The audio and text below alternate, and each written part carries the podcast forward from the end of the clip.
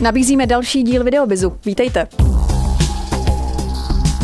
Založit si v dnešní době e-shop není sice složité, dokázat ale založit úspěšný a životaschopný online obchod už tak jednoduché není. Proč tak Češi milují internetové nakupování a jaké trendy nás v této oblasti čekají, tak to nám právě teď prozradí host dnešního videobizu Lukáš Židek ze společnosti Oxy Online. Vítejte. Dobrý den. Proč Češi tak milují to internetové nakupování, nakupování přes internet? Eh, nakupování přes internet je rychlé a pro mnoho Čechů časově nenáročné. Proto se domnívám, že Češi rádi využívají internetové obchody eh, nakupování, nakupování z domu, z práce eh, nebo ve volných, volných chvílích. A myslíte si, že ten um nakupovat přes internet je dostačující, že to lidé ovládají? Můj táta třeba není schopen nakoupit přes internet, nebo je to pro něj opravdu obtížné? Mm-hmm. Domnívám se, že nakupování, jak jsem zmínil, je velmi jednoduché a proto se domnívám, že eh, i starší ročníky dokáží nakoupit. Eh, velmi jim k tomu pomáhá ta technická složka toho e-shopu a můžu vám říct, že jsem přesvědčil svoji maminku, aby provedla nákup na jednom internetovém obchodu, aby jsem samozřejmě i zjistil, eh, jak se na tom internetovém obchodě pohybuje a velmi mě to překvapilo a teď mám spíš opačný problém, abych ji vysvětlil, že nemůže nakupovat přes limit. Blíží se nám Vánoce. Myslíte si, že budou i v tom letošním roce, co se týče e-komerce, eh, tak úspěšné? Já jsem přesvědčen o tom, že budou zcela určitě úspěšné. Eh, hovoří, hovoří o tom i čísla z minulých let a nedávno jsem četl článek, kde v titulku znělo dosáhnou Vánoce 10 miliard. Já jsem o tom stoprocentně přesvědčen. A z čeho soudíte? Eh, víme, jak eh, uživatelé nakupují, jak vehementně často nakupují. Ty predikce, které máme už v tomto okamžiku, naznačují, že nejenom Vánoce, ale celý rok 2013 bude opět rekordní. Pojďme se teď na e-shopy podívat z trochu jiné stránky. Jsou malé, velké e-shopy. Jaký jsou mezi nimi rozdíly nebo naopak, co mají společného?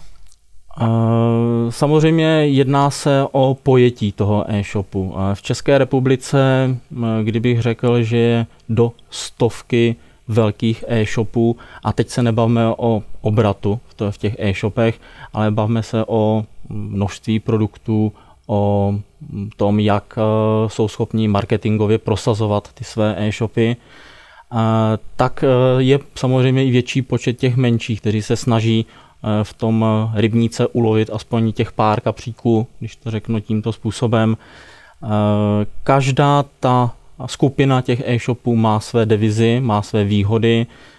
Ve velkých e-shopech těžko budete cílit na konkrétního zákazníka, specializovaného zákazníka. Menší e-shopy si tady toto můžou dovolit a dokonce měli by si dovolit, protože u těch velkých e-shopů ten individuální přístup není tak velký. Takže výhoda těch menších e-shopů by měla být v individuálním přístupu oproti těm velkým e-shopům, kteří cílí na větší skupinu lidí. Pojďme se taky podívat na chyby, které třeba ať už malé nebo velké e-shopy dělají. Čeho se dopouštějí, čeho by se měli dle vašeho názoru vyvarovat? Rozumím, eh, těch chyb je celá řada. Eh, myslím si, že celou stopáž tohoto pořadu bychom se mohli bavit o desítkách chyb, které dělají provozovatele internetových obchodů. Eh, já osobně vnímám i z pozice vedoucího obchodu naší společnosti v tom, že spoustu majitelů e-shopů si necení svého času. Ono to zní možná jako kliše, ale často se setkávám se zákazníky, kteří nejsou ochotni eh, zaplatit za úpravu nebo za běžnou funkcionalitu, eh, byť pár korun, aby jim to ušetřilo několik hodin času, jsou ochotní mm, věnovat svou hodinovou práci nebo desetihodinovou práci eh, na úkor toho, že se můžou věnovat něčemu důležitějšímu.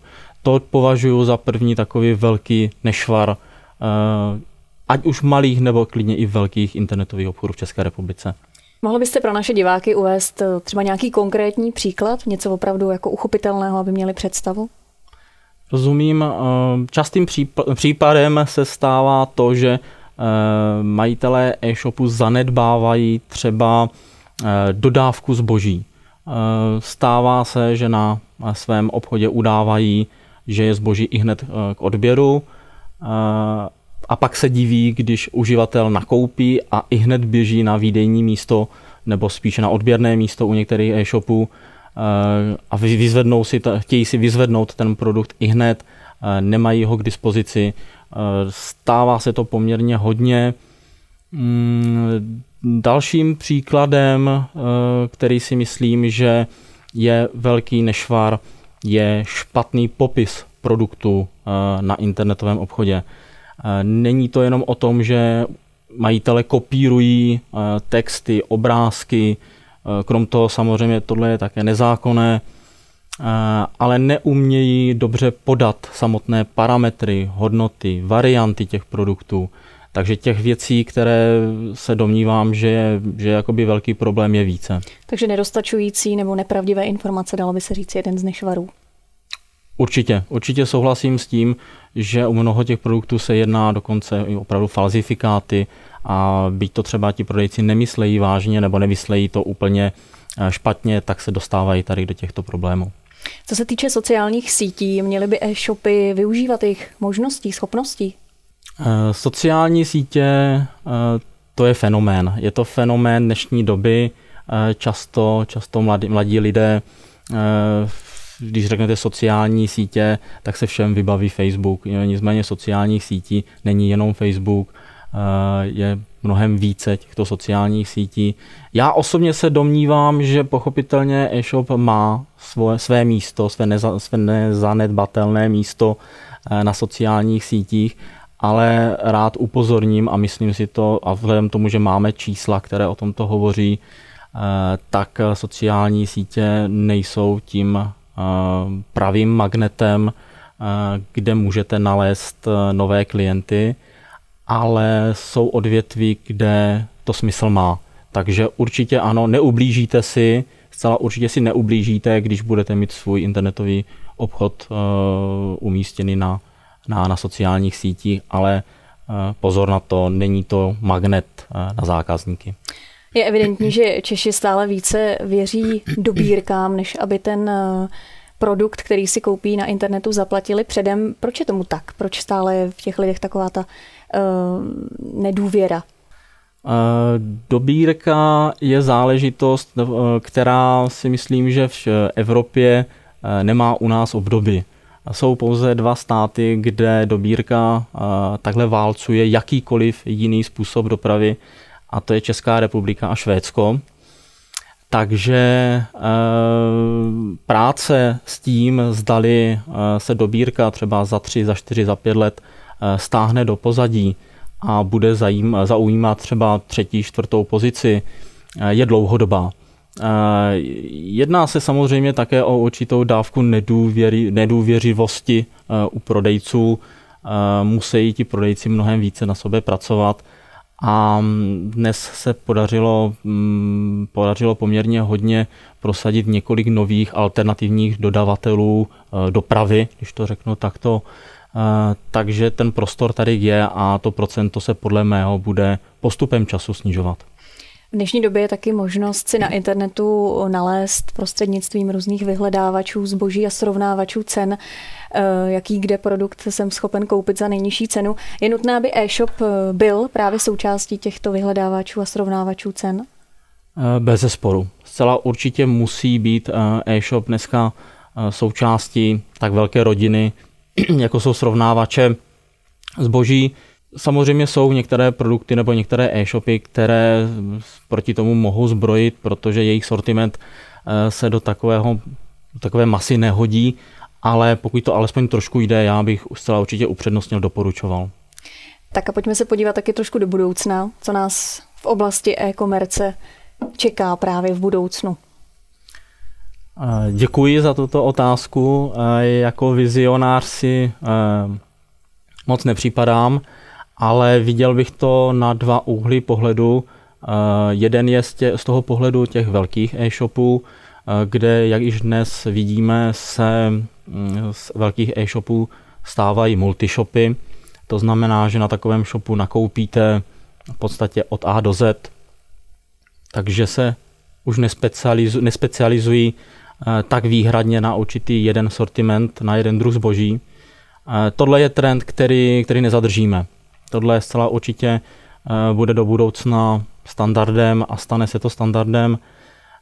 A druhý úhel pohledu já vidím spíše v tom, že menší e-shopy by se měly zaměřit na svůj daný sortiment a věnovat se těm zákazníkům podstatně více. Protože jedině takhle mají šanci se dneska udržet na tom poli uh, internetového obchodování, kdy budou těm zákazníkům podávat podrobnější informace, budou se těm zákazníkům více věnovat, budou s nimi více komunikovat, telefonovat, psát si a budou pro ně více pracovat. O e-komerci jsme si povídali s Lukášem Žitkem, vedoucím obchodního oddělení Oxy Online. My vám děkujeme za váš čas. Jste laskavá, děkuji za pozvání.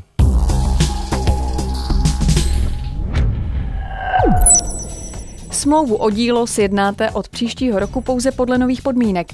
Pozor si musíte dát už při jednání o smlouvě, ale i při sjednání ceny.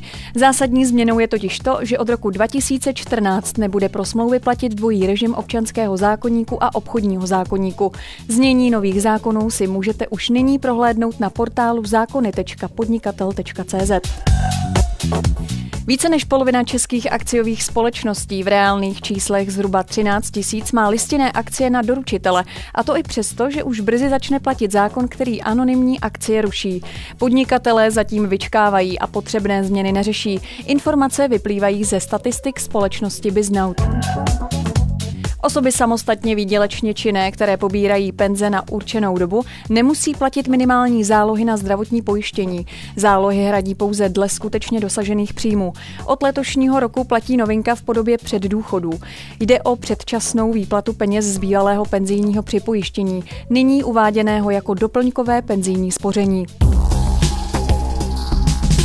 Tolik krátké zprávy z biznisu a také tolik dnešní videobis. Těšíme se příště na viděnou. Thank